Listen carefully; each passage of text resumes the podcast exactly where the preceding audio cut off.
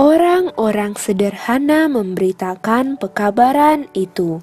2 Petrus 1 ayat 19 Dengan demikian kami makin diteguhkan oleh firman yang telah disampaikan oleh para nabi. Alangkah baiknya kalau kamu memperhatikannya, sama seperti memperhatikan pelita yang bercahaya di tempat yang gelap, sampai fajar menyingsing dan bintang timur terbit bersinar di dalam hatimu. Pekabaran ini, Wahyu 14 ayat 6 dan 7, dinyatakan sebagai bagian Injil yang kekal itu. Pekerjaan mengabarkan Injil tidak diserahkan kepada malaikat-malaikat, tetapi telah dipercayakan kepada manusia. Malaikat-malaikat kudus telah ditugaskan memberi pengarahan kepada pekerjaan ini. Mereka bertanggung jawab terhadap pergerakan besar demi keselamatan manusia. Tetapi pengabaran Injil harus dilaksanakan oleh hamba-hamba Kristus di atas bumi. Orang-orang setia yang taat kepada bisikan roh Allah dan pengajaran-pengajaran firman-Nya harus memberitakan amaran ini kepada dunia. Orang-orang ini adalah mereka yang memperhatikan firman yang telah disampaikan oleh para nabi, yaitu pelita yang bercahaya di tempat yang gelap sampai fajar menyingsing dan bintang timur terbit bersinar. 2 Petrus 1 ayat 19 Mereka telah mencari pengetahuan Allah lebih daripada segala harta yang tersembunyi yang menganggap keuntungannya melebihi keuntungan perak dan menghasilkan melebihi emas.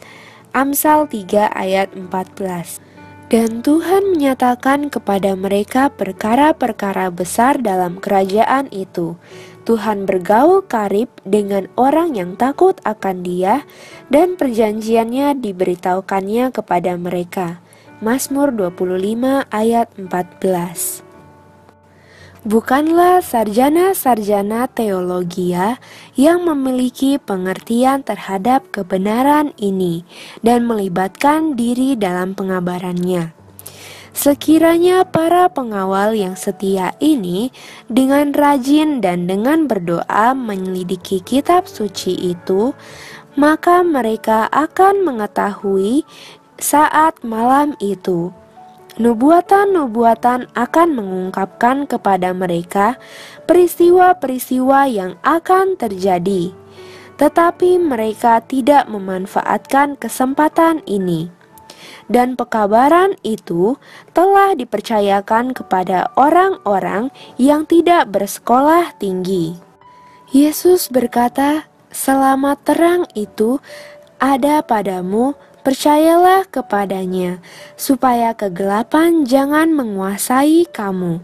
Yohanes 12 ayat 35 Mereka yang menjauhkan diri dari terang yang telah diberikan Allah atau lalai mencarinya, ketika dalam jangkauan mereka akan ditinggalkan dalam kegelapan.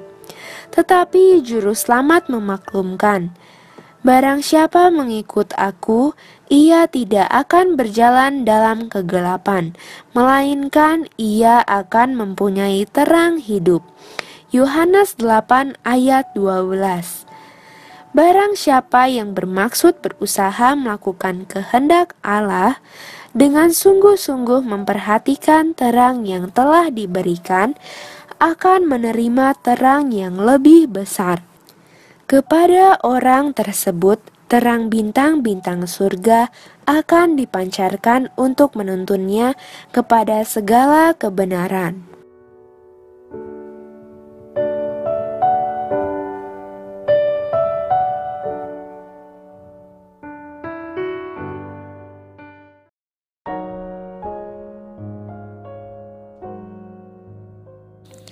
Kebenaran akan menang.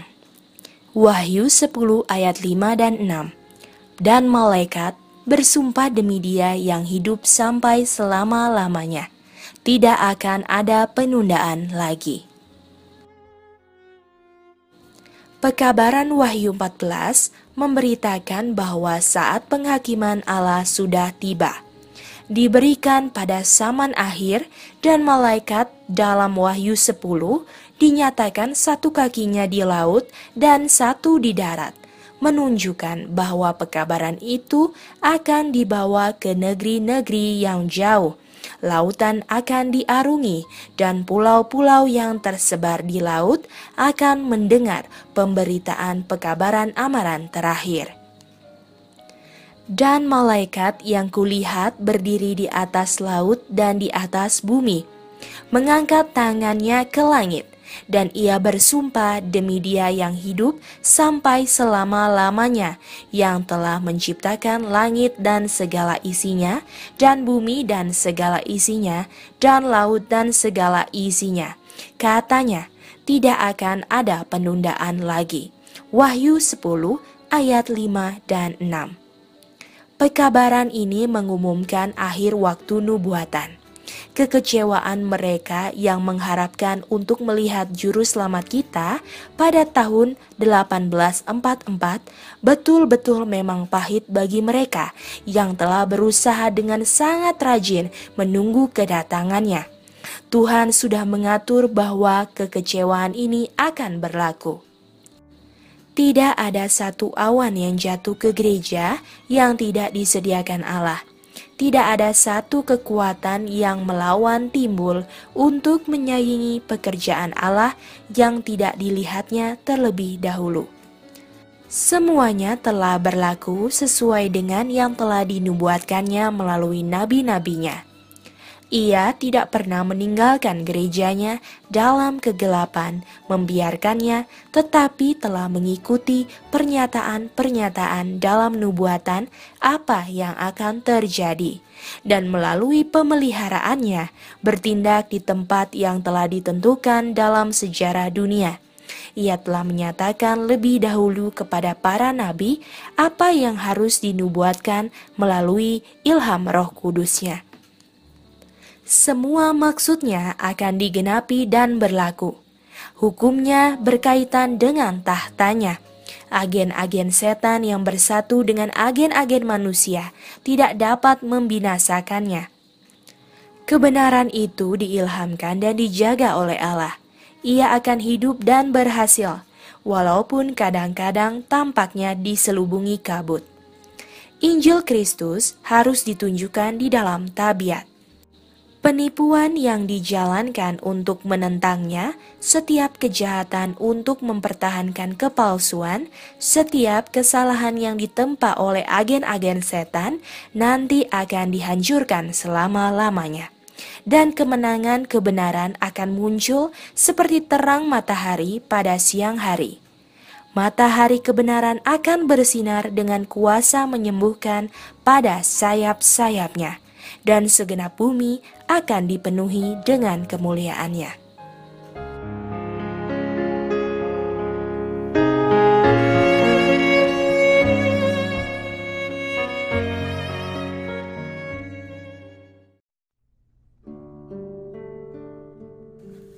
Bijaksana atau bodoh? Matius 25 ayat 1 dan 2 Pada waktu itu hal kerajaan surga seumpama sepuluh anak gadis yang mengambil pelitanya dan pergi menyongsong mempelai laki-laki. Lima di antaranya bodoh dan lima bijaksana. Kita tidak boleh berpendapat bahwa oleh sebab kita sudah anggota gereja, maka dengan sendirinya kita akan selamat. Sementara kita tidak memberikan bukti bahwa kita telah sesuai dengan citra Kristus sementara kita tetap berpaut kepada kebiasaan kita yang lama dan menenun kain kita dengan benang-benang keinginan dan kebiasaan duniawi. Kesepuluh anak darah itu sedang menunggu pada malam sejarah bumi ini.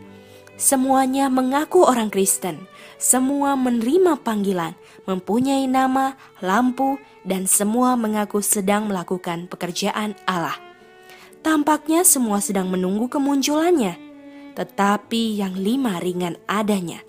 Lima akan terkejut, kecewa, dan akan berada di luar pesta itu. Kita dilambangkan baik oleh anak darah yang bijaksana maupun oleh yang bodoh. Akan ada banyak orang yang tidak akan tinggal di kaki Yesus dan belajar daripadanya. Mereka tidak mempunyai pengetahuan mengenai jalan-jalannya. Mereka tidak bersedia untuk kedatangannya.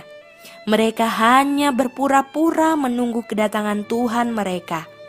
Mereka tidak menunggu dan berdoa dengan iman itu yang bekerja oleh kasih dan menyucikan jiwa. Mereka telah menghidupkan suatu kehidupan yang berfoya-foya. Mereka telah mendengar dan menerima kebenaran, tetapi mereka tidak pernah mempraktekkan kebenaran itu dalam kehidupan mereka. Minyak anugerah tidak menghidupkan lampu mereka, dan mereka tidak bersedia untuk masuk ke dalam pesta pernikahan anak domba. Janganlah seperti anak darah yang bodoh yang membanggakan bahwa janji-janji Allah adalah milik mereka, sedangkan mereka tidak mengikuti perintah Kristus. Kristus mengajarkan kepada kita bahwa pengakuan tidak ada artinya. Setiap orang yang mau mengikut aku, katanya, ia harus menyangkal dirinya, memikul salibnya setiap hari, dan mengikut aku. Apabila kita menghadapi ujian Allah dalam proses penghalusan, penyucian, apabila api yang menyala-nyala membakar sampah dan emas tabiat sejati muncul, maka kita masih tetap dapat berkata dengan Paulus, Bukan seolah-olah aku telah memperoleh hal ini atau telah sempurna, melainkan aku mengejarnya, tetapi ini yang kulakukan. Aku melupakan apa yang telah di belakangku dan mengarahkan diri kepada apa yang di hadapanku. Dan berlari-lari kepada tujuan untuk memperoleh hadiah yaitu panggilan surgawi dari Allah dalam Kristus Yesus.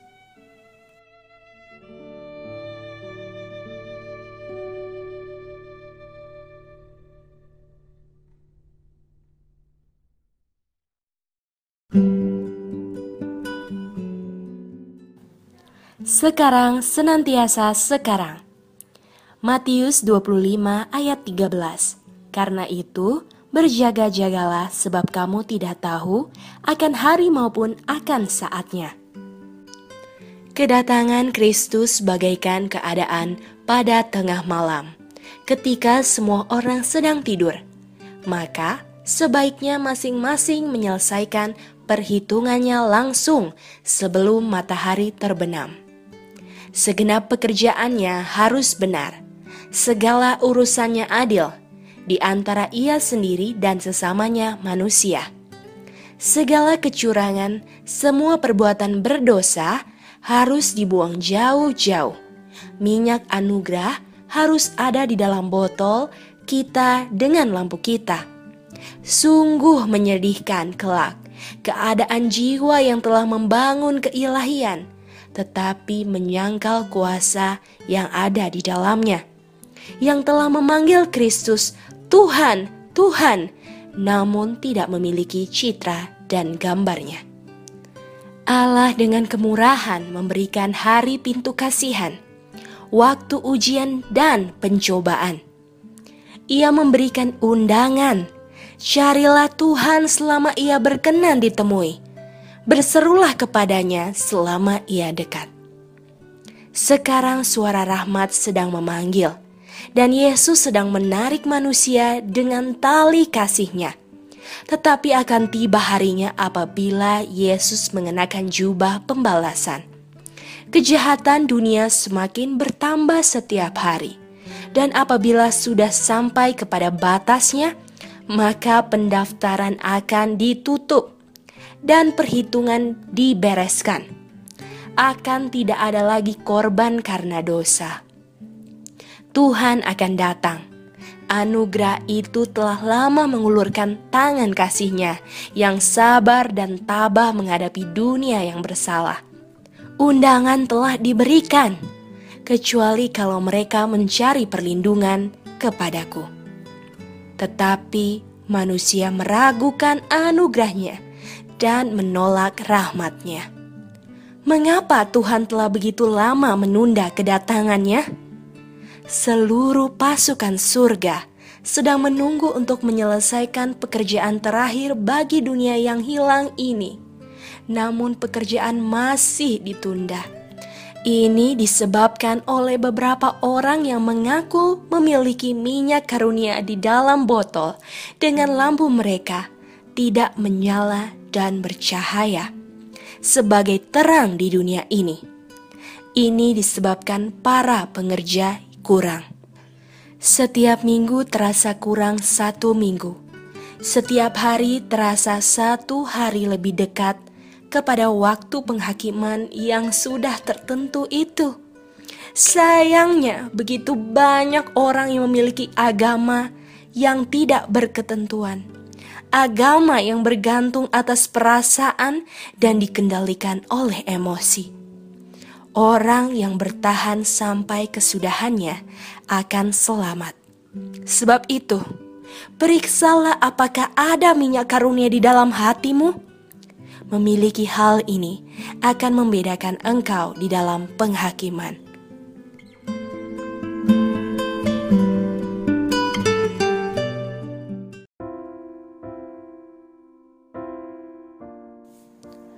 Penjagaan terakhir Markus 13 ayat 35 dan 36.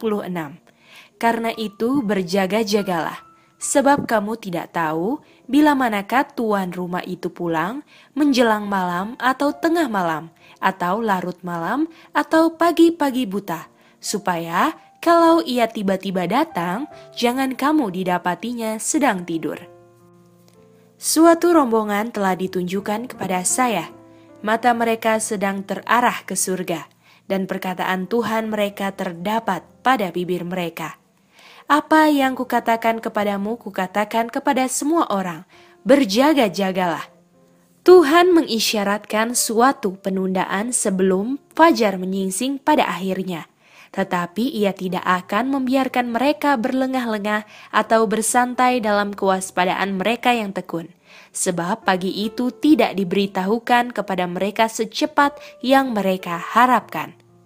Saya melihat bahwa tidaklah mungkin mencintai dan terpikat dengan perkara-perkara duniawi, dengan menimbun harta duniawi, sambil berada dalam posisi menunggu dan berjaga-jaga, sebagaimana yang telah diperintahkan Juru Selamat kita.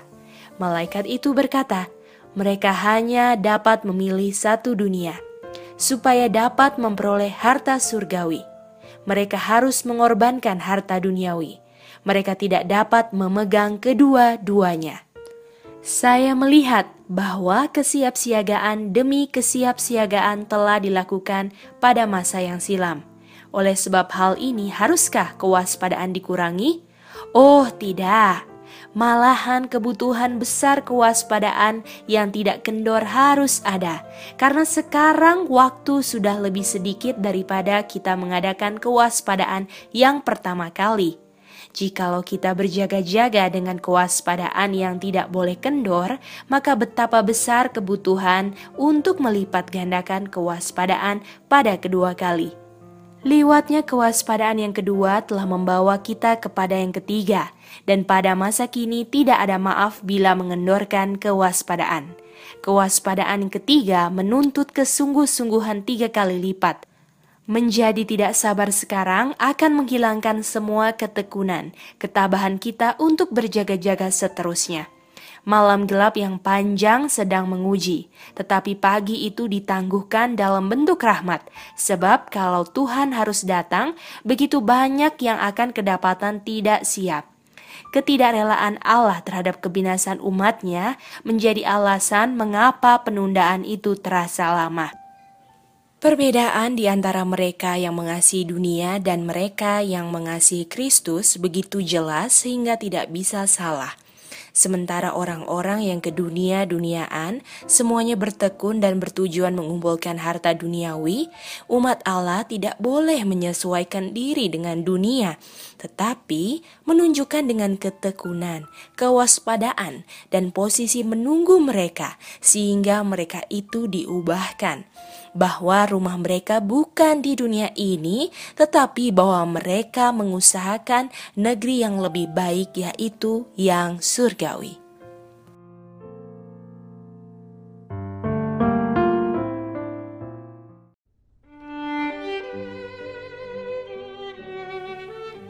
Hanya satu jalan selamat. Matius 26 ayat 41. Berjaga-jagalah dan berdoalah supaya kamu jangan jatuh ke dalam pencobaan. Apakah yang harus saya katakan untuk memberikan semangat kepada umat Allah yang sisa? Saya memberikan amaran kepada semua yang mengaku nama Kristus untuk memeriksa dengan ketat akan diri mereka sendiri dan mengaku segala kesalahan mereka sepenuhnya dengan tulus ikhlas, sehingga mereka dapat menghadapi penghakiman dan malaikat pencatat dapat menuliskan pengampunan di sebelah nama mereka. Saudara-saudaraku, pria dan wanita Jikalau saat-saat anugerah yang indah ini tidak dimanfaatkan, maka engkau akan ditinggalkan dengan tidak ada maaf. Jikalau engkau tidak mengadakan usaha khusus untuk bangun, jikalau engkau tidak menyatakan keberanian dalam pertobatan, maka peluang-peluang emas ini akan segera lewat. Dan engkau akan ditimbang dalam neraca dan kedapatan ringan adanya. Dalam amaran untuk berjaga-jaga dan berdoa, Yesus telah menunjukkan satu-satunya jalan yang selamat. Dibutuhkan kewaspadaan. Hati kita sendiri itu penipu. Kita dikendalikan oleh kelemahan-kelemahan dan kekurangan secara manusia, dan setan sengaja untuk membinasakan. Kita mungkin tidak siaga dalam penjagaan kita, tetapi musuh kita tidak pernah lengah dengan mengetahui kewaspadaannya yang tidak mengenal lelah, janganlah kita tertidur seperti orang lain, tetapi berjaga-jaga dan sadar. Roh dan pengaruh dunia harus dihadapi, tetapi janganlah dibiarkan mendapat tempat dalam pikiran dan hati. Ujilah hatimu sendiri dengan ketat di dalam terang kekekalan. Janganlah menyembunyikan sesuatu di dalam pengujianmu Selidiki, oh selidiki demi hidupmu. Tuduhlah dirimu sendiri, hakimi dirimu sendiri itu. Kemudian minta darah Kristus yang menyucikan untuk menghilangkan cacat celak dalam tabiat Kristenmu. Janganlah memuji-muji atau memaafkan dirimu sendiri. Uruslah dengan sungguh-sungguh akan jiwamu sendiri Kemudian setelah engkau melihat dirimu sebagai seorang berdosa yang jatuh, yang hancur semuanya di kaki salib, Yesus akan menerima engkau seluruhnya kotor sebagaimana adamu dan akan mencuci engkau dengan darahnya dan membersihkan engkau dari segala kekotoranmu dan menjadikan engkau layak untuk masyarakat malaikat-malaikat surgawi di dalam kemurnian dan keharmonisan surga. Di sana tidak ada kejutan, tidak ada yang sumbang, semuanya sehat, bahagia, dan riang. Dunia ini merupakan sekolah pendidikan untuk sekolah yang lebih tinggi Kehidupan sekarang adalah persiapan untuk kehidupan yang akan datang. Sekaranglah kita harus bersedia untuk masuk ke dalam istana surga. Sekarang kita harus menerima dan percaya serta melakukan kebenaran sampai kita dipersiapkan untuk tinggal di rumah dengan orang-orang saleh yang bercahaya.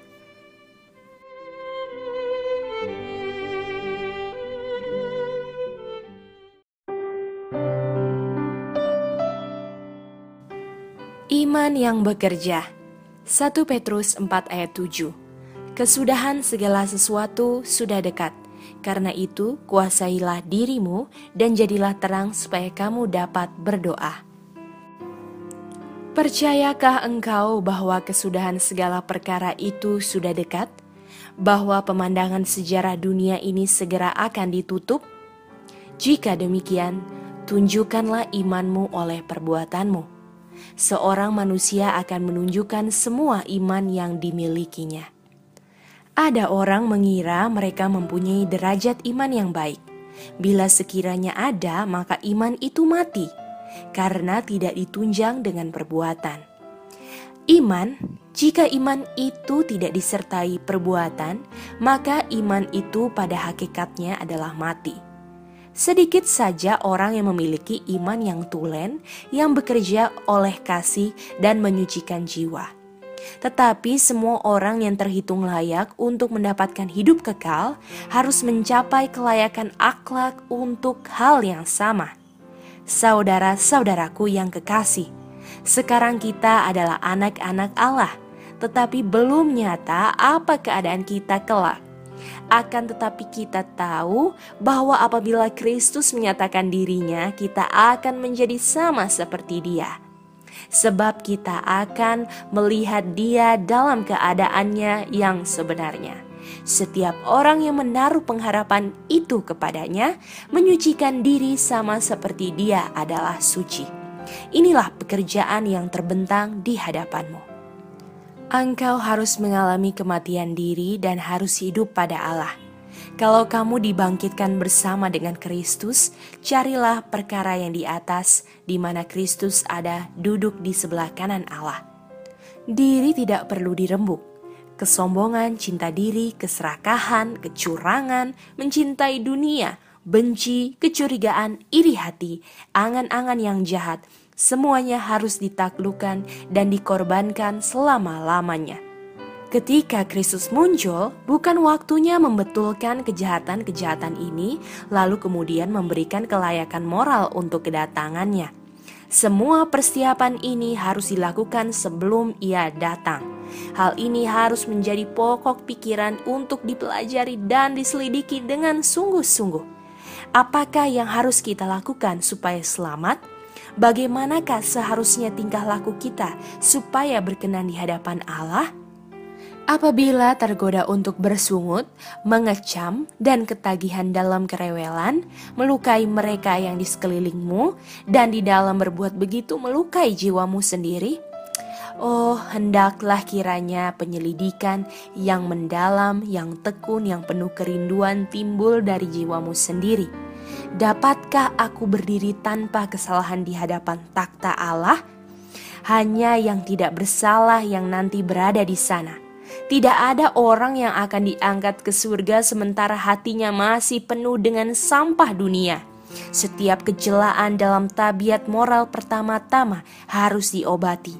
Setiap noda dilenyapkan oleh darah Kristus yang menyucikan, dan semua sifat yang tidak baik, yang buruk dalam tabiat harus dikalahkan.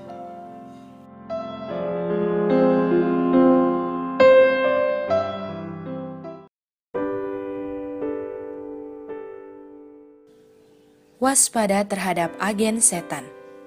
1 Timotius 4 ayat 1 Tetapi roh yang tegas mengatakan bahwa di waktu-waktu kemudian ada orang yang akan murtad lalu mengikuti roh-roh penyesat dan ajaran setan-setan. Setelah tahun 1844 berlalu, kita menghadapi setiap corak kefanatikan. Pengalaman masa yang silam akan terulang – pada waktu yang akan datang, takyul-takyul setan akan muncul dalam bentuk yang baru.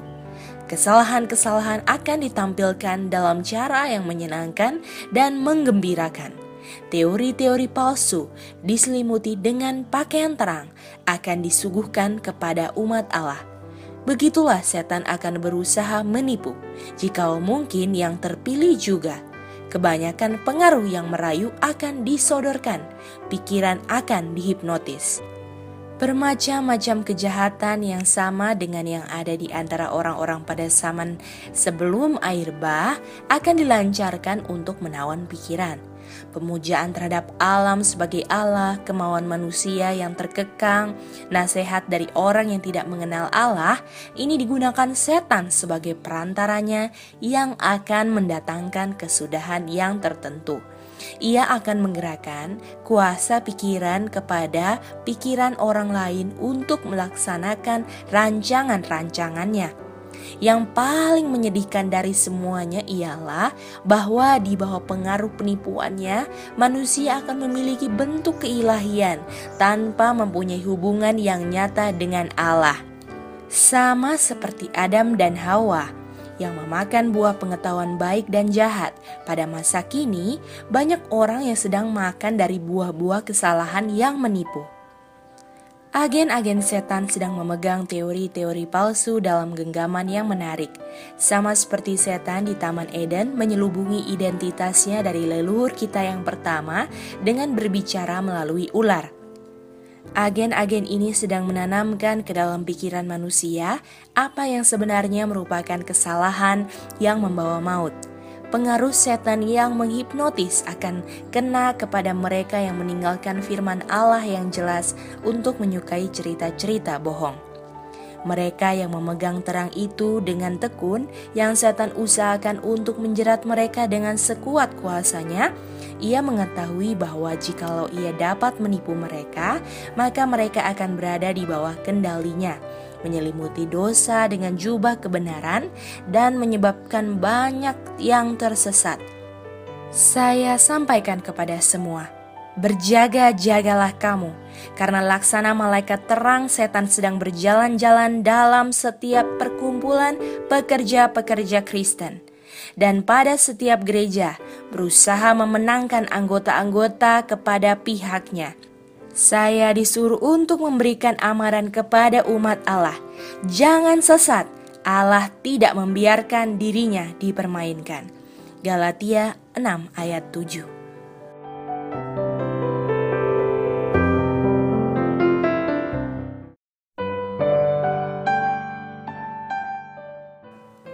Pencobaan yang terselubung Kisah 20 ayat 39 dan 30 Aku tahu bahwa sesudah aku pergi, serigala-serigala yang ganas akan masuk ke tengah-tengah kamu dan tidak akan menyayangkan kawanan itu.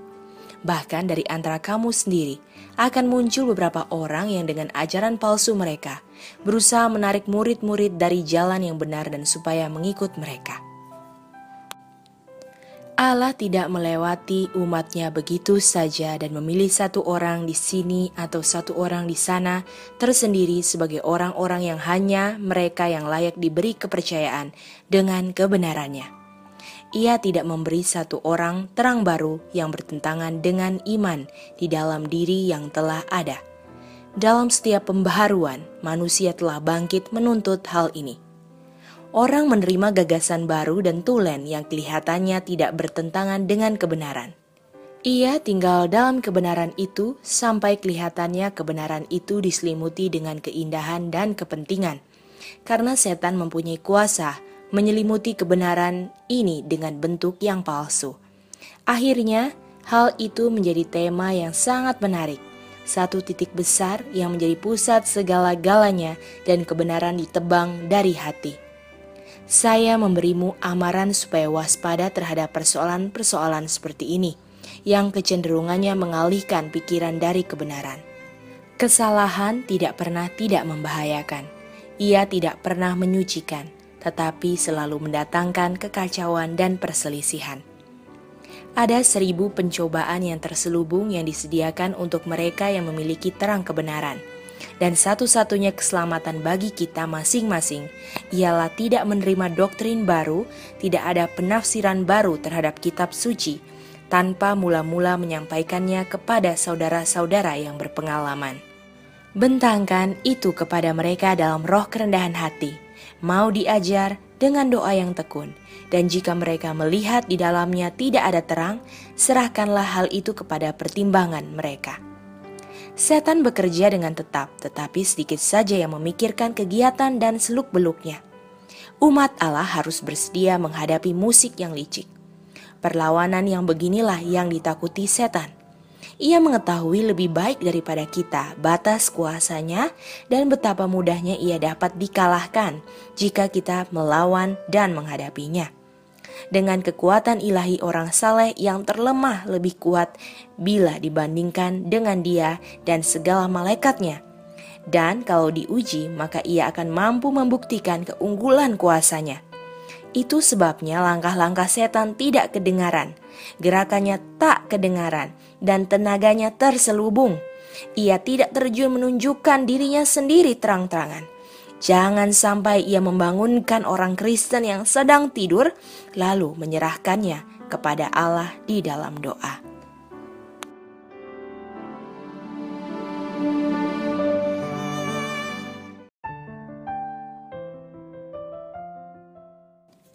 Mengapa Kristus menunda kedatangannya? 1 Korintus 7 ayat 29 Saudara-saudara, inilah yang kumaksudkan, yaitu waktu telah singkat. Malaikat-malaikat Allah dalam pekabaran mereka kepada manusia menyatakan bahwa waktu sudah singkat. Begitulah hal itu selalu dinyatakan kepadaku. Memang benar bahwa waktu sudah menjadi lebih singkat daripada yang kita harapkan pada tahun-tahun permulaan pekabaran ini. Juru selamat kita tidak segera datang sebagaimana yang kita harapkan. Tetapi apakah firman Tuhan telah gagal? Tidak. Haruslah diingat bahwa janji-janji dan ancaman Allah sama-sama mempunyai syarat. Tuhan telah menyerahkan kepada umatnya suatu pekerjaan yang harus diselesaikan di bumi. Pekabaran malaikat ketiga harus diberikan. Pikiran orang-orang percaya harus diarahkan ke rumah sembayang di surga, di mana Kristus sudah masuk untuk mengadakan pendamaian bagi umatnya. Reformasi hari Sabat harus dikumandangkan. Pelanggaran terhadap hukum Allah harus dibereskan. Pekabaran harus diserukan dengan suara yang nyaring, supaya semua penduduk bumi dapat mendengar amaran itu. Umat Allah harus menyucikan jiwa dengan jalan mengikuti kebenaran, dan siap sedia untuk berdiri dengan tidak bersalah di hadapannya pada waktu kedatangannya.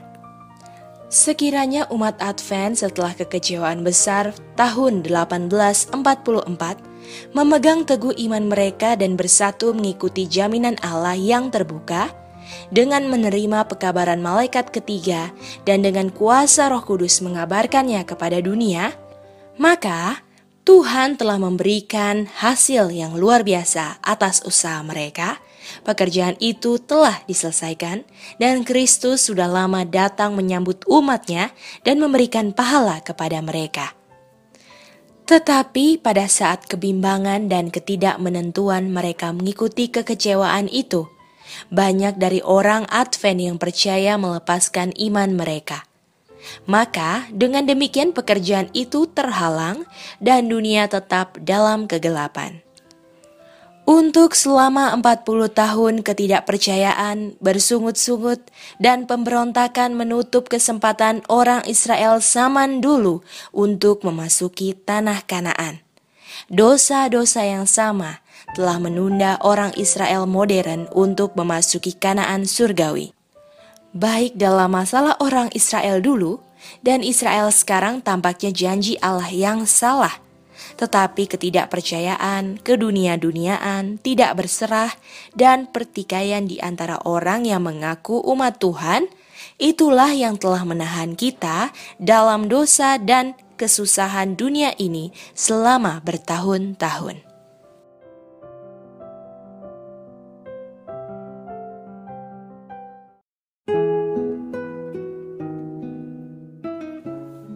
Tujuan yang harus dicapai 1 Tesalonika 5 ayat 23 Semoga Allah damai sejahtera menguduskan kamu seluruhnya dan semoga roh, jiwa, dan tubuhmu terpelihara sempurna dengan tak bercacat pada kedatangan Yesus Kristus Tuhan kita.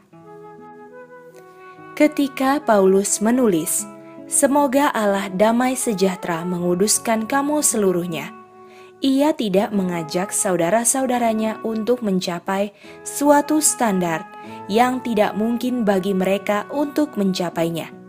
Ia tidak berdoa supaya mereka memperoleh berkat yang bukan kehendak Allah untuk memberikannya. Ia mengetahui bahwa semua orang yang mau bertemu dengan Kristus dalam damai sejahtera harus memiliki tabiat yang murni dan suci. Jikalau umat Masehi Advent hari ketujuh menjalankan apa yang mereka percayai, jikalau mereka bersungguh-sungguh dalam reformasi kesehatan, maka mereka betul-betul akan menjadi kacamata bagi dunia, bagi para malaikat dan manusia, dan mereka akan menunjukkan semangat yang jauh lebih besar untuk keselamatan mereka yang belum mengenal kebenaran. Reformasi-reformasi lebih besar harus kelihatan di antara orang-orang yang mengaku sedang menunggu kedatangan Kristus dengan segera. Reformasi kesehatan harus diadakan di kalangan umat kita, yaitu suatu pekerjaan yang belum selesai. Banyak orang yang harus disadarkan terhadap bahaya makan daging, yang masih memakan daging hewan. Dengan demikian, membahayakan kesehatan tubuh, pikiran, dan kerohanian. Banyak orang yang sekarang hanya separuh bertobat dalam persoalan makan daging akan meninggalkan umat Allah, berjalan tidak lagi dengan mereka.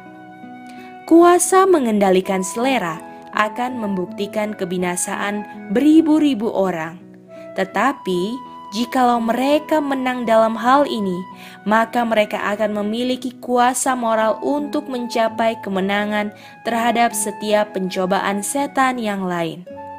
Tetapi mereka yang menjadi budak selera akan gagal dalam menyempurnakan tabiat Kristen.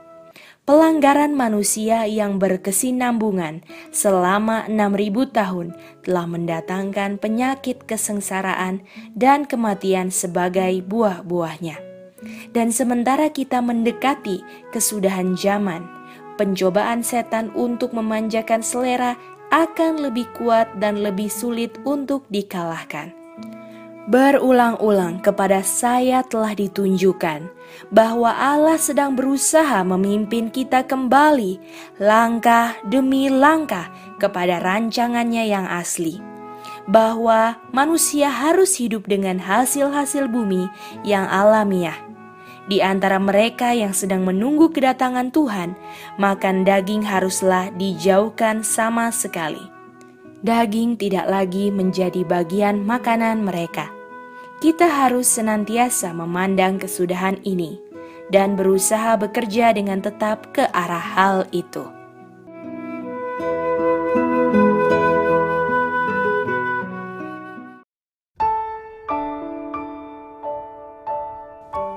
Tidak ada waktu melakukan pekerjaan setan. 2 Petrus 3 ayat 11 dan 12 jadi, jika segala sesuatu ini akan hancur secara demikian, betapa suci dan salehnya kamu harus hidup, yaitu kamu yang menantikan dan mempercepat kedatangan hari Allah. Penting bagi semua orang mengetahui suasana apa yang mengelilingi jiwa mereka sendiri. Apakah mereka bekerja sama dengan musuh kebenaran dan tidak sadar melakukan pekerjaannya? atau apakah mereka memikul kuk dengan Kristus sambil melakukan pekerjaan Kristus? Setan akan merasa senang apabila seseorang atau setiap orang menjadi sekutunya dalam pekerjaan melemahkan keyakinan saudara bersaudara dan menaburkan kesumbangan di antara mereka yang mengaku percaya akan kebenaran setan dapat mencapai maksudnya dengan sangat berhasil melalui orang-orang yang mengaku sahabat-sahabat Kristus yang tidak berjalan dan bekerja di jalur Kristus. Inilah hari persediaan untuk Tuhan. Sekarang kita tidak mempunyai waktu membicarakan ketidakpercayaan atau melakukan pekerjaan setan. Hendaklah masing-masing waspada Jangan sampai mengganggu iman orang lain dengan menaburkan permusuhan, dengki, perpecahan, karena Allah mendengar kata-kata dan Ia menghakimi bukan dengan menyatakan siapa yang benar dan siapa yang salah, tetapi oleh buah-buah perbuatan seseorang. Sementara keempat mata angin itu masih ditahan sampai hamba-hamba Allah selesai dimateraikan pada dahi mereka, barulah penguasa-penguasa di bumi mengerahkan kekuatan mereka untuk peperangan besar terakhir. Betapa kita harus berhati-hati memanfaatkan sedikit waktu yang sisa dalam pintu kasihan kita. Betapa tekunnya kita harus menguji diri kita sendiri. Pendisiplinan roh, penyucian hati, dan pikiranlah yang dibutuhkan Inilah yang lebih berharga daripada talenta, akal, dan pengetahuan yang luar biasa. Suatu pikiran biasa yang dilatih untuk menurut, demikianlah firman Tuhan, lebih baik mutunya untuk pekerjaan Tuhan daripada mereka yang memiliki kemampuan-kemampuan tetapi tidak mengerjakannya dengan betul. Manusia boleh membanggakan pengetahuan mereka terhadap perkara-perkara duniawi. Tetapi jikalau mereka tidak mengetahui Allah yang benar, Kristus, jalan, kebenaran, dan hidup itu, maka mereka adalah orang-orang bodoh yang menyedihkan, dan pengetahuan mereka akan binasa dengan mereka. Pengetahuan sekuler memang merupakan kekuatan, tetapi pengetahuan akan firman yang mempunyai pengaruh yang mengubahkan terhadap pikiran manusia tidak dapat dibinasakan.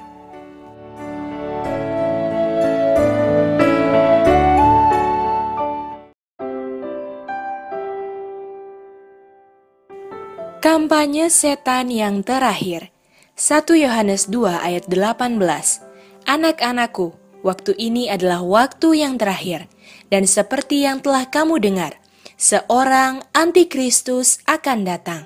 Sekarang telah bangkit banyak antikristus. Itulah tandanya bahwa waktu ini benar-benar adalah waktu yang terakhir.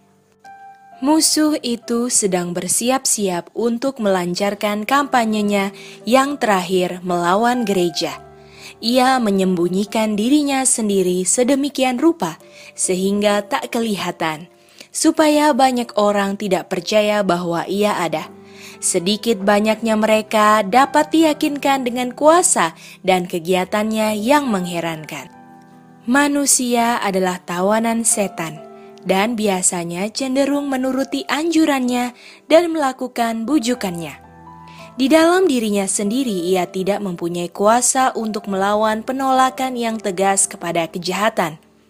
Hanyalah apabila Kristus tinggal di dalam Dia, oleh iman yang hidup, manusia dapat tampil menghadapi musuh yang sangat mengerikan itu. Setiap sarana pertahanan yang lain sia-sia sama sekali hanyalah melalui Kristus kuasa setan dapat dibatasi. Inilah kebenaran yang tepat pada waktunya yang harus dimengerti oleh semua orang. Setan sibuk setiap saat ke sana kemari, berjalan naik turun di bumi, mencari siapa yang dapat ditelannya. Tetapi doa iman yang tekun akan menggagalkan usaha-usahanya yang paling kuat sekalipun. Setan mengharapkan untuk melibatkan umat Allah yang sisa dalam kebinasaan umum yang akan berlaku di atas bumi. Sementara kedatangan Kristus semakin dekat, ia akan lebih giat dan lebih giat dalam usahanya untuk menjungkirkan mereka. Para pria dan wanita akan bangkit dan mengaku memiliki terang baru atau kenyataan baru yang kecenderungannya hendak menggoncangkan iman dengan tanda penunjuk yang lama ajaran-ajaran mereka tidak tahan diuji dengan firman Allah, namun jiwa-jiwa akan tertipu. Laporan-laporan palsu akan disiarkan, dan akan ada yang terperangkap di sini.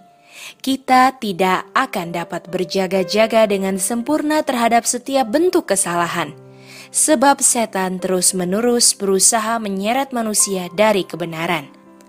Ada orang yang tidak teguh dalam tabiat, mereka sama seperti bola yang terbuat dari dempul dan dapat diremas sampai berbentuk seperti yang dikehendaki. Kelemahan, tidak berpendirian, dan tidak tepat guna harus dikalahkan. Ada kegigihan dalam tabiat Kristen yang sejati yang tidak dapat diubahkan atau dikurangi oleh keadaan-keadaan yang merugikan. Manusia harus memiliki tulang punggung moral kejujuran yang tidak dapat digagahi atau dipaksa atau ditakut-takuti. Allah telah menetapkan batas yang tak dapat dilewati setan. Iman kita yang paling kudus itulah perintang ini. Dan kalau kita membangun diri kita sendiri dengan iman, maka kita akan selamat dalam pemeliharaan yang maha kuasa.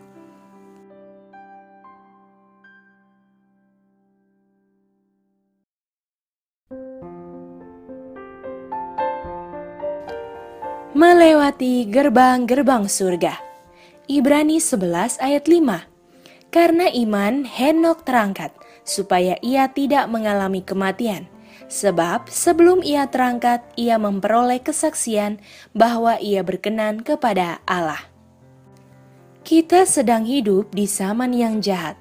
Oleh karena kejahatan bertimbun-timbun, maka pengasihan orang banyak pun tawarlah. Henok berjalan dengan Allah 300 tahun lamanya. Sekarang singkatnya waktu tampaknya mendesak sebagai dorongan untuk mencari kebenaran. Apakah perlu supaya ketakutan terhadap hari Allah diperlihatkan di hadapan kita, agar supaya membujuk kita melakukan yang benar? Keadaan Henok terbentang di hadapan kita. Beratus-ratus tahun ia berjalan dengan Allah. Ia hidup pada zaman yang jahat, ketika kemerosotan moral merajalela di sekelilingnya namun ia mendidik pikirannya kepada kebaktian, kepada kasih yang murni. Percakapannya berkisar kepada perkara-perkara surgawi. Ia mendidik pikirannya bekerja dalam saluran ini dan ia menghasilkan kesan ilahi. Henok mengalami pencobaan sama seperti kita. Ia dikelilingi masyarakat yang tidak lagi mengenal kebenaran sama seperti masyarakat di sekeliling kita. Udara di mana ia bernafas dinodai oleh dosa dan kejahatan, sama dengan suasana kita. Namun, ia menghidupkan suatu kehidupan yang suci. Ia tidak tercela dengan dosa yang merajalela pada zaman ia hidup. Jadi, kita boleh tetap murni dan tidak jahat. Ia adalah wakil dari orang-orang saleh yang hidup di tengah-tengah kebinasaan dan kejahatan pada akhir zaman. Karena kesetiaannya menurut Allah, maka ia diubahkan. Begitu juga orang-orang yang setia yang masih hidup, yaitu yang tertinggal akan diubahkan. Berbahagialah orang yang suci hatinya, karena mereka akan melihat Allah. Selama 300 tahun Henok telah mencari kesucian hati, supaya ia selaras dengan surga. Tiga abad lamanya ia telah berjalan dengan Allah dari hari ke sehari, ia mendambakan persatuan yang lebih erat. Semakin lama, semakin dekat hubungan itu bertumbuh, sampai Allah mengambilnya datang kepadanya. Ia telah berdiri di ambang pintu dunia yang kekal. Jarak antara dia dan tanah yang diberkati hanya satu langkah. Dan kini gerbang itu telah terbuka yang telah berjalan dengan Allah itu, begitu lama berjalan di atas bumi, meneruskan langkah, dan ia melewati pintu gerbang kota suci yang pertama di antara manusia yang masuk di sana. Kepada hubungan yang demikianlah Allah memanggil kita Sebagaimana Henok begitulah seharusnya kesucian tabiat mereka yang akan ditebus dari antara manusia pada kedatangan Tuhan yang kedua kali.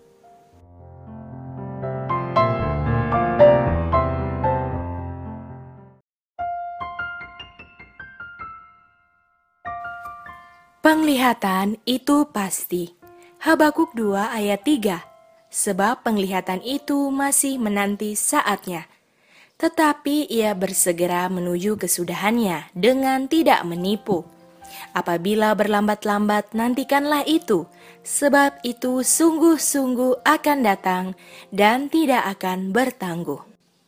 Iman yang menguatkan Habakuk dan semua orang yang kudus dan benar pada zaman penganiayaan besar dahulu adalah iman yang sama yang menyokong umat Allah sekarang.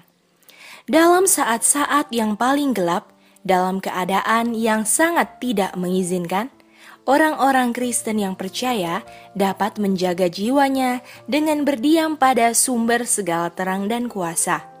Dari hari ke sehari, melalui iman kepada Allah, pengharapan dan keberaniannya, dapat dibaharui. Di dalam pekerjaan Allah tidak perlu patah semangat, tidak boleh goyah, dan tidak ada ketakutan. Tuhan akan lebih banyak memenuhi pengharapan yang tertinggi dari mereka yang berharap padanya. Ia akan memberi mereka kebijaksanaan terhadap berbagai macam kebutuhan mereka yang mendesak. Mengenai jaminan yang limpah yang disediakan untuk setiap jiwa yang terkena pencobaan, Rasul Paulus memberikan kesaksian yang indah. Kepadanya diberikan jaminan ilahi. Cukuplah kasih karuniaku bagimu, sebab justru dalam kelemahanlah kuasaku menjadi sempurna. Dengan bersyukur dan yakin hamba Allah yang terkena pencobaan akan menanggapi sebab terlebih suka aku bermegah atas kelemahanku, supaya kuasa Kristus turun menaungi aku. Karena itu, aku senang dan rela di dalam kelemahan, di dalam siksaan, di dalam kesukaran, di dalam penganiayaan dan kesesakan oleh karena Kristus.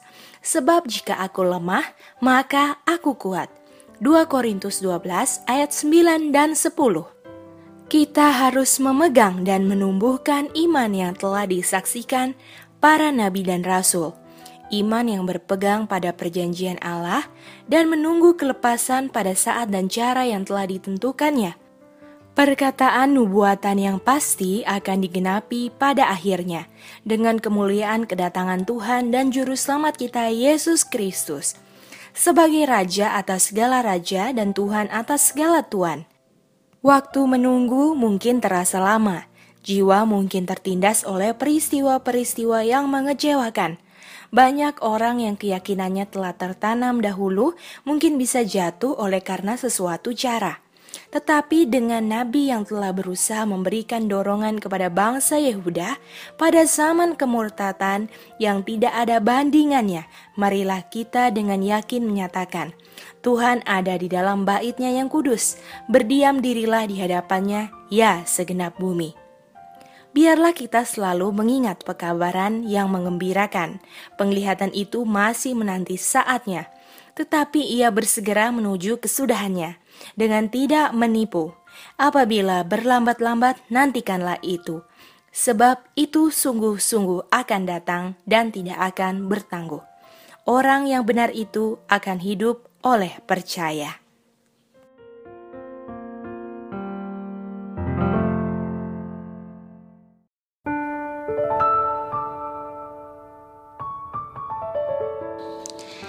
Kedatangan Yesus yang pertama Galatia 4 ayat 4 dan 5 Tetapi setelah genap waktunya, maka Allah mengutus anaknya untuk menebus mereka yang takluk kepada hukum Taurat supaya kita diterima menjadi anak.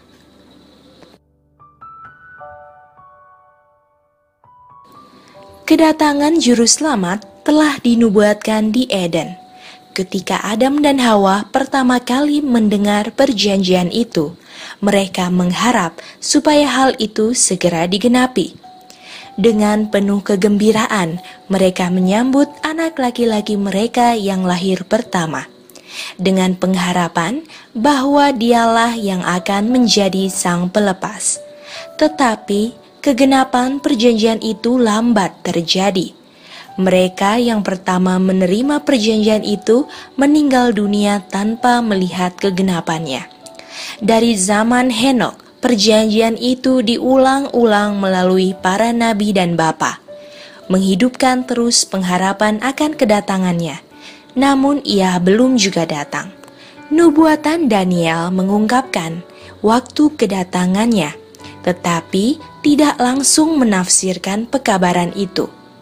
Abad demi abad berlalu, suara para nabi bungkam, tangan si penindas berat terhadap Israel, dan banyak yang telah siap berseru, sudah lama berselang, tetapi satu penglihatan pun tak jadi Yeskiel 12 ayat 22. Akan tetapi, seperti bintang-bintang pada perjalanan keliling di lorong-lorong mereka yang telah ditetapkan, ternyata maksud Allah tidak terburu-buru dan tidak terlambat. Melalui lambang kegelapan besar dan dapur api yang berasap, Allah telah menyatakan kepada Ibrahim perhambaan Israel di Mesir dan telah memaklumkan bahwa waktu mereka menumpang di negeri orang akan berlangsung 400 tahun. Sesudah itu, katanya, mereka akan keluar dengan membawa harta benda yang banyak, Kejadian 15 ayat 14. Menentang perkataan itu, seluruh perlawanan kuasa kerajaan Firaun yang sombong itu sia-sia adanya. Pada hari itu juga, sesuai dengan janji ilahi, keluarlah segala pasukan Tuhan dari tanah Mesir. Keluaran 12 ayat 41. Jadi, dalam rapat di surga saat kedatangan Kristus telah ditetapkan, Ketika lonceng besar waktu menunjukkan saat itu, lahirlah Yesus di Bethlehem. Setelah genap waktunya, maka Allah mengutus anaknya. Tindakan yang maha kuasa telah mengendalikan pergerakan bangsa-bangsa dan meningkatnya dorongan hati dan pengaruh umat manusia sampai dunia sudah masak untuk kedatangan Sang Pelepas.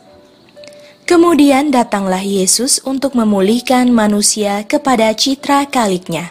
Tidak ada selain Kristus yang dapat memperbaharui tabiat yang telah dirusak oleh dosa. Ia datang untuk mengusir setan yang mengendalikan kemauan. Ia datang untuk mengangkat kita dari debu, untuk membentuk kembali tabiat yang rusak menjadi seperti pola tabiat ilahinya dan menjadikannya indah dengan kemuliaannya sendiri.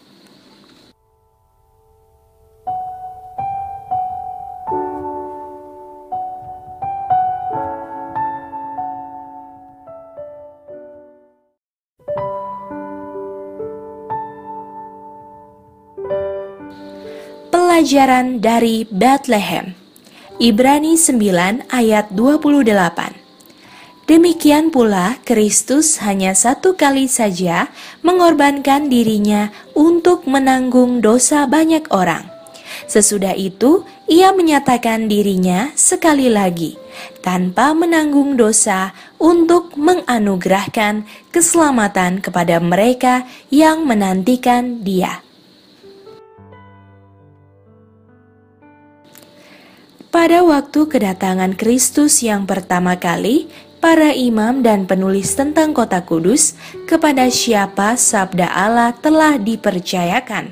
Seharusnya mengerti tanda-tanda zaman dan memaklumkan kedatangan Kristus yang dijanjikan.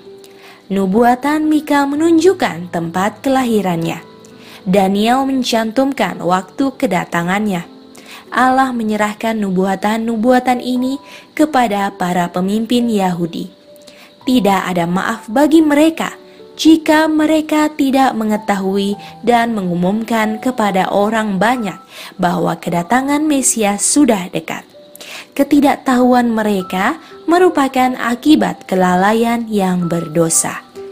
Semua orang seharusnya sudah bersiap-siap dan menunggu-nunggu supaya mereka boleh berada di antara yang pertama menyambut penebus dunia. Tetapi di Bethlehem, dua orang yang mengadakan perjalanan dari bukit-bukit Nazaret sudah lelah menyusuri jalan sempit yang panjang menuju ke bagian timur kota. Dengan tidak berhasil mencari tempat istirahat untuk menginap malam itu, tidak ada pintu yang terbuka untuk menerima mereka. Di dalam sebuah gubuk yang hina yang disediakan untuk binatang, akhirnya mereka mendapat tempat bermalam, dan di sanalah juru selamat dunia lahir. Tidak ada bukti bahwa Kristus sudah ditunggu-tunggu, dan tidak ada persiapan untuk kedatangan Raja Kehidupan. Dalam ketakjuban, pesuruh surga sudah hampir pulang ke surga dengan membawa berita yang memalukan ketika ia menemukan sekelompok gembala yang sedang menjaga ternak mereka pada malam hari, dan ketika mereka memandang ke langit yang penuh dengan bintang sambil merenungkan nubuatan kedatangan Mesias ke bumi dan merindukan kedatangan penebus dunia. Mereka inilah suatu kumpulan orang yang bersedia menerima kabar dari surga itu. Maka tiba-tiba malaikat Tuhan muncul, memaklumkan kabar baik mengenai kesukaan besar. Oh, betapa suatu pelajaran yang indah cerita Bethlehem yang ajaib ini. Betapa hal ini menegur ketidakpercayaan kita, kesombongan kita, dan kesenangan diri. Betapa hal ini memberi kita amaran supaya berjaga-jaga jangan dengan pelbagai kejahatan kita, sehingga kita pun gagal mengerti akan tanda-tanda zaman, dan dengan demikian tidak mengetahui hari kedatangan Tuhan kita.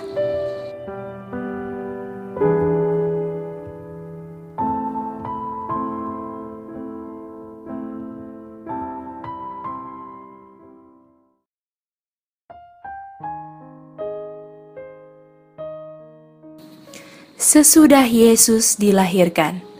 Matius 2 ayat 1 dan 2.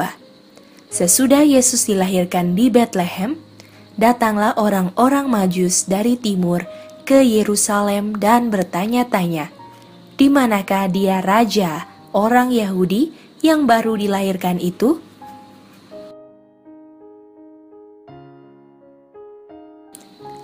Raja kemuliaan merendahkan diri mengambil sifat manusia dan malaikat yang telah menyaksikan kemuliaannya yang luar biasa dalam istana surga. Ketika ia disembah oleh semua pasukan surga, menjadi kecewa melihat panglima ilahi mereka dalam kedudukan yang sangat hina. Orang-orang Yahudi telah memisahkan diri mereka sendiri jauh sekali dari Allah dengan pekerjaan mereka yang jahat, sehingga para malaikat tidak dapat menyampaikan kepada mereka berita kedatangan bayi penebus itu. Allah memilih orang Majus dari timur untuk melakukan kehendaknya. Orang-orang Majus ini telah melihat langit disinari dengan terang, yang menyelubungi pasukan surga yang mengeluh-elukan kedatangan Kristus kepada para gembala yang rendah derajatnya. Terang ini adalah sekelompok malaikat yang bersinar-sinar di kejauhan, yang kelihatannya seperti bintang yang gemerlapan. Munculnya bintang besar yang terang benderang yang menyimpang dari kebiasaan yang belum pernah mereka lihat sebelumnya tergantung sebagai tanda di langit menarik perhatian mereka. Orang Majus itu mengarahkan perjalanan mereka ke mana bintang itu membawa mereka. Dan ketika mereka mendekati kota Yerusalem, bintang itu diselubungi kegelapan dan tidak lagi menuntun mereka. Mereka merasa bahwa tidak mungkin orang Yahudi tidak mengetahui akan peristiwa besar, yaitu kedatangan Mesias. Lalu mereka bertanya-tanya di sekitar Yerusalem. Orang-orang Majus itu terkejut melihat tidak ada perhatian luar biasa terhadap pokok pembicaraan tentang kedatangan Mesias. Mereka heran bahwa orang Yahudi tidak tertarik dan tidak bersuka-suka dalam menunggu-nunggu peristiwa yang besar ini, yaitu kedatangan Kristus. Gereja-gereja zaman kita sedang mencari kebesaran dunia dan tidak berkeinginan melihat terang nubuatan-nubuatan dan menerima bukti-bukti kegenapannya yang menunjukkan bahwa Kristus segera akan datang. Dan sama keadaannya dengan orang Yahudi pada kedatangannya yang pertama kali. Mereka mengharapkan kekuasaan pemerintahan Mesias yang hanya bersifat duniawi di Yerusalem. Orang-orang yang mengaku Kristen pada zaman kita hanyalah mengharapkan kemakmuran gereja yang bersifat duniawi, berubah secara dunia dan menyukai masa seribu tahun secara duniawi saja.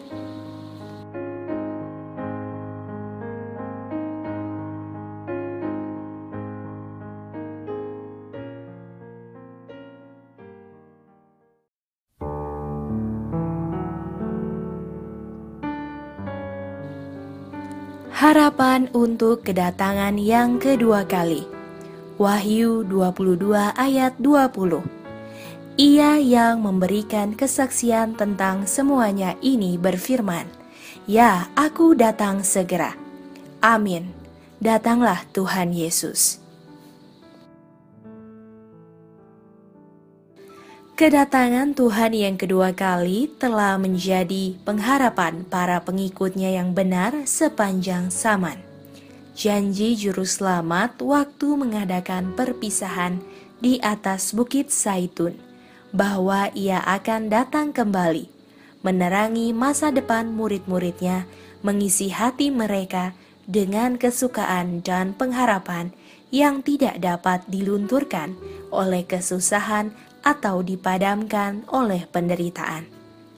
Di tengah-tengah penderitaan dan penganiayaan, pernyataan kemuliaan Allah yang Maha Besar dan Juru Selamat kita Yesus Kristus adalah pengharapan yang diberkati.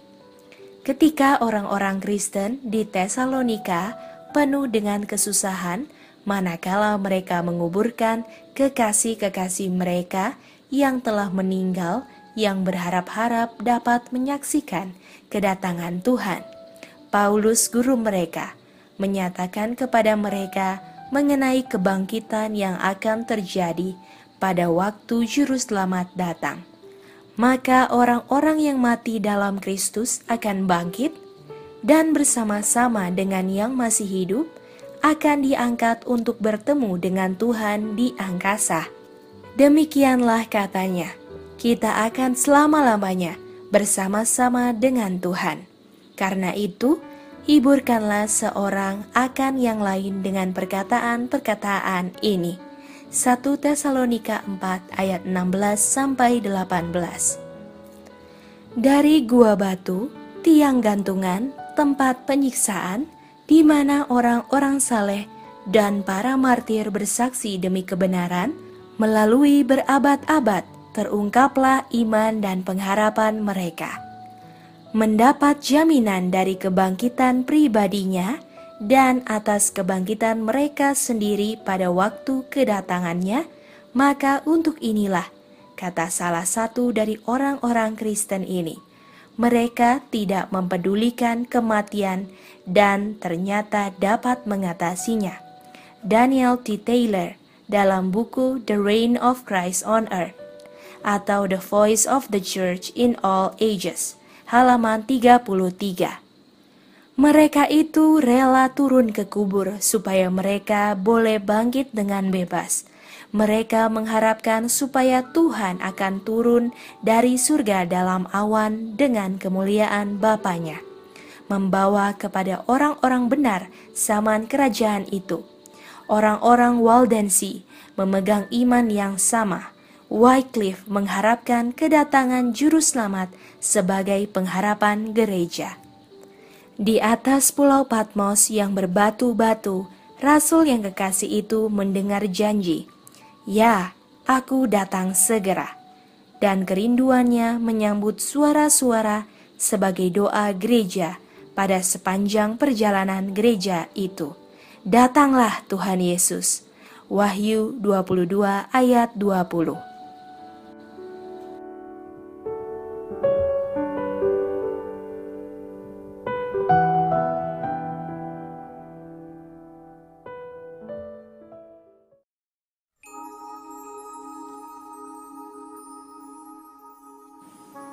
Intisari Kitab Suci.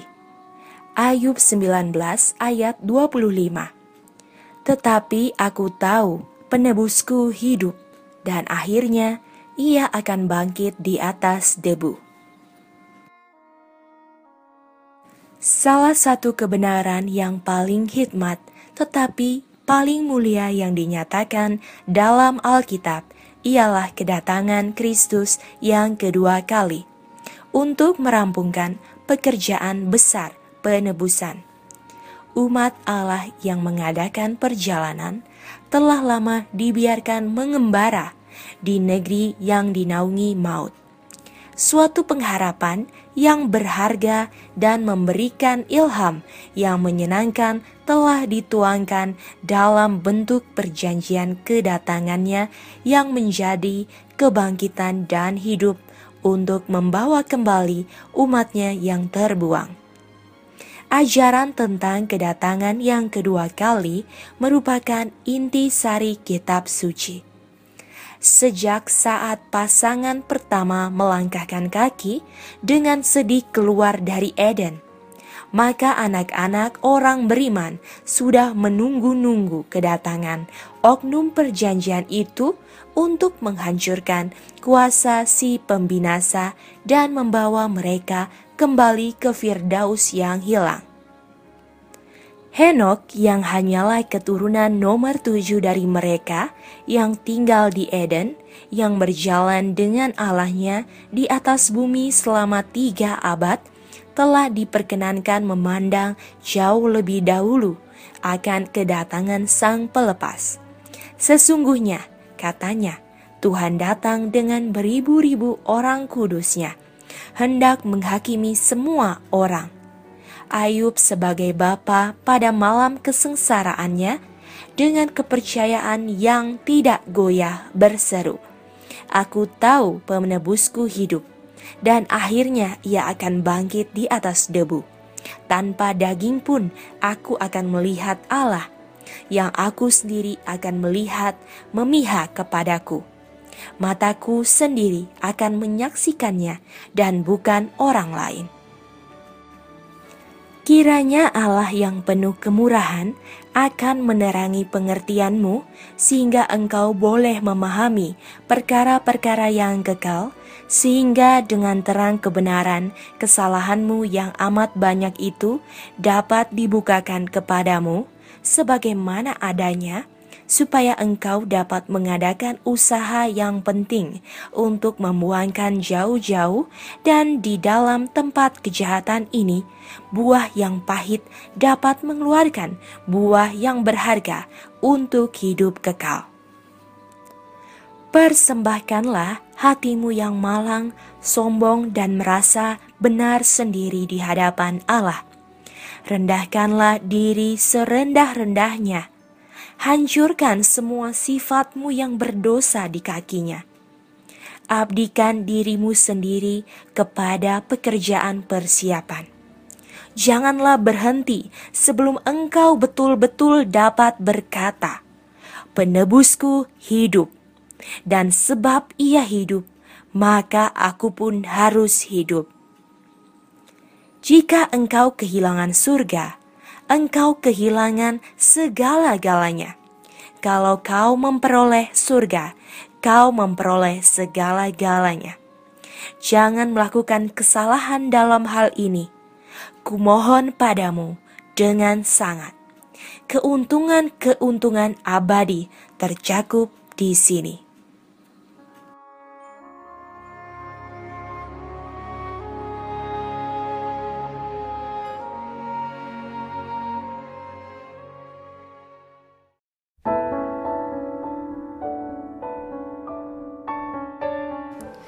Iman para pembaharu 1 Korintus 15 ayat 26 Musuh yang terakhir yang dibinasakan ialah maut.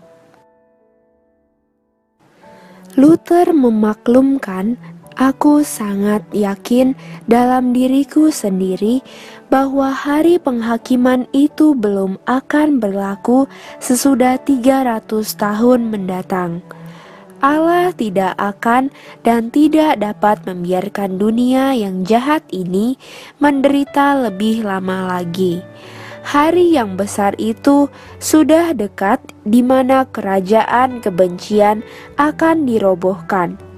Daniel T. Taylor dalam The Reign of Christ on Earth atau The Voice of the Church in All Ages halaman 33. Dunia yang sudah tua ini tidak lama lagi akan tamat, kata Melanchthon. Calvin mengajak orang-orang Kristen supaya jangan ragu-ragu. Rinduilah dengan rajin hari kedatangan Kristus itu sebagai hari yang sangat menguntungkan dalam segala peristiwa dan memaklumkan bahwa seluruh keluarga orang yang setia akan kelihatan pada hari itu. kita harus lapar akan Kristus. Kita harus mengusahakan, merenungkan, katanya. Sampai fajar hari yang besar itu, bila Tuhan kita menyatakan sepenuhnya kemuliaan kerajaannya. Halaman 158 dan 134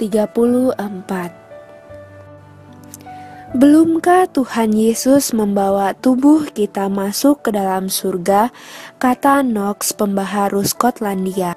Dan tidak akan kembalikah ia? Kita tahu bahwa ia akan kembali dan nanti dalam bentuk rombongan. Ridley dan Latimer yang menyerahkan nyawa mereka demi kebenaran, mengharapkan kedatangan Tuhan dengan iman. Ridley menulis, dunia dengan tidak diragukan sudah hampir tamat. Ini aku percaya, sebab itulah aku mengatakannya. Marilah kita bersama Yohanes, hamba Allah itu, berseru dalam hati kita kepada Juru Selamat kita, Kristus, ya Tuhan Yesus, datanglah halaman 151 dan 145. Memikirkan akan kedatangan Tuhan, kata Baxter, sangat manis dan menggembirakan bagi aku. Richard Baxter dalam Works, jilid 17, halaman 555 adalah pekerjaan iman dan tabiat umatnya menyukai akan kedatangannya dan memandang untuk pengharapan yang diberkati. Jikalau kematian adalah musuh terakhir yang harus dibinasakan pada waktu kebangkitan, maka kita boleh belajar betapa tekun orang-orang percaya harus mendambakan dan berdoa untuk kedatangan Kristus yang kedua kali. Apabila penaklukan lengkap dan terakhir ini harus dilakukan. Jilid 17 halaman 500. Inilah hari yang harus dirindukan dan diharapkan dan ditunggu oleh semua orang percaya sebagai perampungan semua pekerjaan penebusan mereka dan seluruh kerinduan serta usaha jiwa mereka. Ya Tuhan, segerakanlah kiranya hari yang diberkati ini. Jilid 17 halaman 182 dan 183 Begitulah pengharapan gereja rasul-rasul, pengharapan gereja di padang gurun, dan gereja para pembaharu.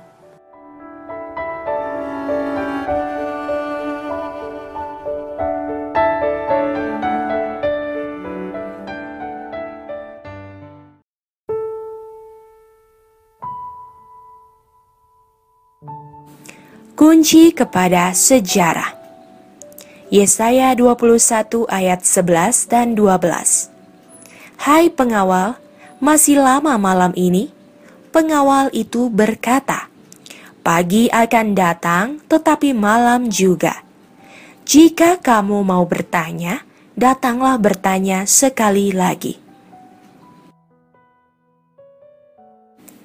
Suatu pengertian akan pengharapan kedatangan Kristus yang kedua kali adalah kunci yang membuka segala sejarah yang mengikutinya dan menerangkan semua pelajaran masa depan. Suara pengawal yang benar sekarang perlu didengar di seluruh pelosok. Pagi akan datang, tetapi malam juga. Nafiri harus memberikan suara tertentu karena kita berada dalam persiapan menghadapi hari Tuhan yang besar. Kebenaran-kebenaran nubuatan berkaitan satu dengan yang lain, dan ketika kita mempelajarinya, kebenaran-kebenaran nubuatan itu membentuk suatu untayan kebenaran Kristus yang praktis semua ceramah yang kita berikan dengan jelas menunjukkan bahwa kita sedang menunggu, bekerja, dan berdoa untuk kedatangan Anak Allah. Kedatangannya adalah pengharapan kita. Pengharapan ini harus dirangkaikan dengan semua perkataan dan pekerjaan kita, dengan seluruh pergaulan dan perhubungan kita. Kedatangan Anak Manusia harus menjadi tema yang luar biasa yang harus dicanangkan kepada manusia. Inilah suatu pokok pembicaraan yang tidak boleh dilupakan dalam ceramah kita kenyataan-kenyataan kekal harus dicanangkan dalam mata pikiran dan penarikan-penarikan dunia akan muncul sebagaimana adanya yang semuanya tidak membawa keuntungan dan sia-sia. Apakah yang akan kita lakukan dengan kesia-siaan, ketinggian, kekayaan, kehormatan, atau kesenangan dunia? Kita adalah para pengembara dan orang asing yang sedang menunggu, mengharapkan, dan berdoa untuk pengharapan yang diberkati itu. Dan kedatangan Tuhan dan Juru Selamat Kristus kita yang mulia itu. Jikalau kita percaya akan hal ini dan menjalankannya secara praktis dalam kehidupan kita, Sungguh dahsyat ilham iman dan pengharapan ini bekerja. Sungguh tekun kasih satu dengan yang lain. Sungguh kudus hidup berhati-hati demi kemuliaan Allah dan dalam penghormatan kita terhadap pahala sebagai imbalan. Sungguh besar garis perbedaan yang nyata di antara kita dengan dunia. Kebenaran bahwa Kristus akan datang harus dicanangkan dalam setiap pikiran.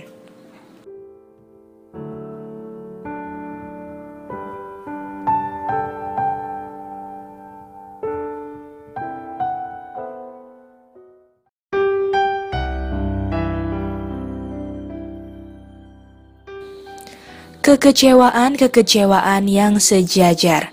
Yakobus 5 ayat 11 Sesungguhnya kami menyebut mereka berbahagia, yaitu mereka yang telah bertekun. Kamu telah mendengar tentang ketekunan Ayub, dan kamu telah tahu apa yang pada akhirnya disediakan Tuhan baginya, karena Tuhan Maha Penyayang dan penuh belas kasihan. Tidak jarang pikiran banyak orang bahkan sampai kepada hamba-hamba Allah, begitu dibutakan oleh pendapat-pendapat manusia, tradisi-tradisi, dan pengajaran palsu manusia, sehingga mereka hanya sebagian menangkap perkara-perkara besar yang telah diungkapkannya dalam firman-Nya. Demikian pula dengan murid-murid Kristus. Walaupun pada waktu juru selamat bersama-sama dengan mereka secara pribadi, pikiran mereka telah terpikat oleh konsepsi populer mengenai Mesias sebagai raja duniawi yang akan mengangkat Israel ke tahta kerajaan sedunia dan mereka tidak dapat memahami arti perkataannya yang meramalkan penderitaan dan kematiannya. Sejak mereka lahir, hati mereka telah dipenuhi dengan pengharapan kemuliaan kerajaan di bumi, dan ini yang membutakan pengertian mereka. Pengalaman murid-murid yang memberitakan Injil Kerajaan itu pada kedatangan Kristus yang pertama sama halnya dengan pengalaman mereka yang sedang memberitakan pekabaran kedatangannya yang kedua kali. Sama seperti murid-murid yang mula-mula, William Miller dan rekan-rekannya tidak mengerti sepenuhnya akan kepentingan pekabaran yang mereka sedang lancarkan Kesalahan-kesalahan yang telah lama berlaku dalam gereja menghalangi mereka untuk tiba pada penafsiran yang betul terhadap satu pokok penting dalam nubuatan. Itulah sebabnya walaupun mereka memberitakan pekabaran yang diamanatkan Allah kepada mereka supaya disampaikan kepada dunia, maka melalui salah pengertian terhadap artinya membuat mereka mengalami kekecewaan. Kepada orang-orang percaya ini, sama seperti murid-murid yang mula-mula, bahwa pada saat pencobaan yang tampaknya gelap terhadap pengertian mereka, kemudian nanti diberi penjelasan. Apabila mereka harus melihat kesudahan perbuatan Tuhan, maka mereka akan mengetahui bahwa walaupun adanya kesusahan akibat kesalahan-kesalahan mereka, tujuan-tujuan kasihnya terhadap mereka telah digenapi berangsur-angsur. Mereka harus belajar dari pengalaman yang diberkati bahwa Ia Maha Penyayang dan penuh belas kasihan, bahwa seluruh jalannya adalah kasih setia dan kebenaran bagi orang yang berpegang pada perjanjiannya dan peringatan-peringatannya.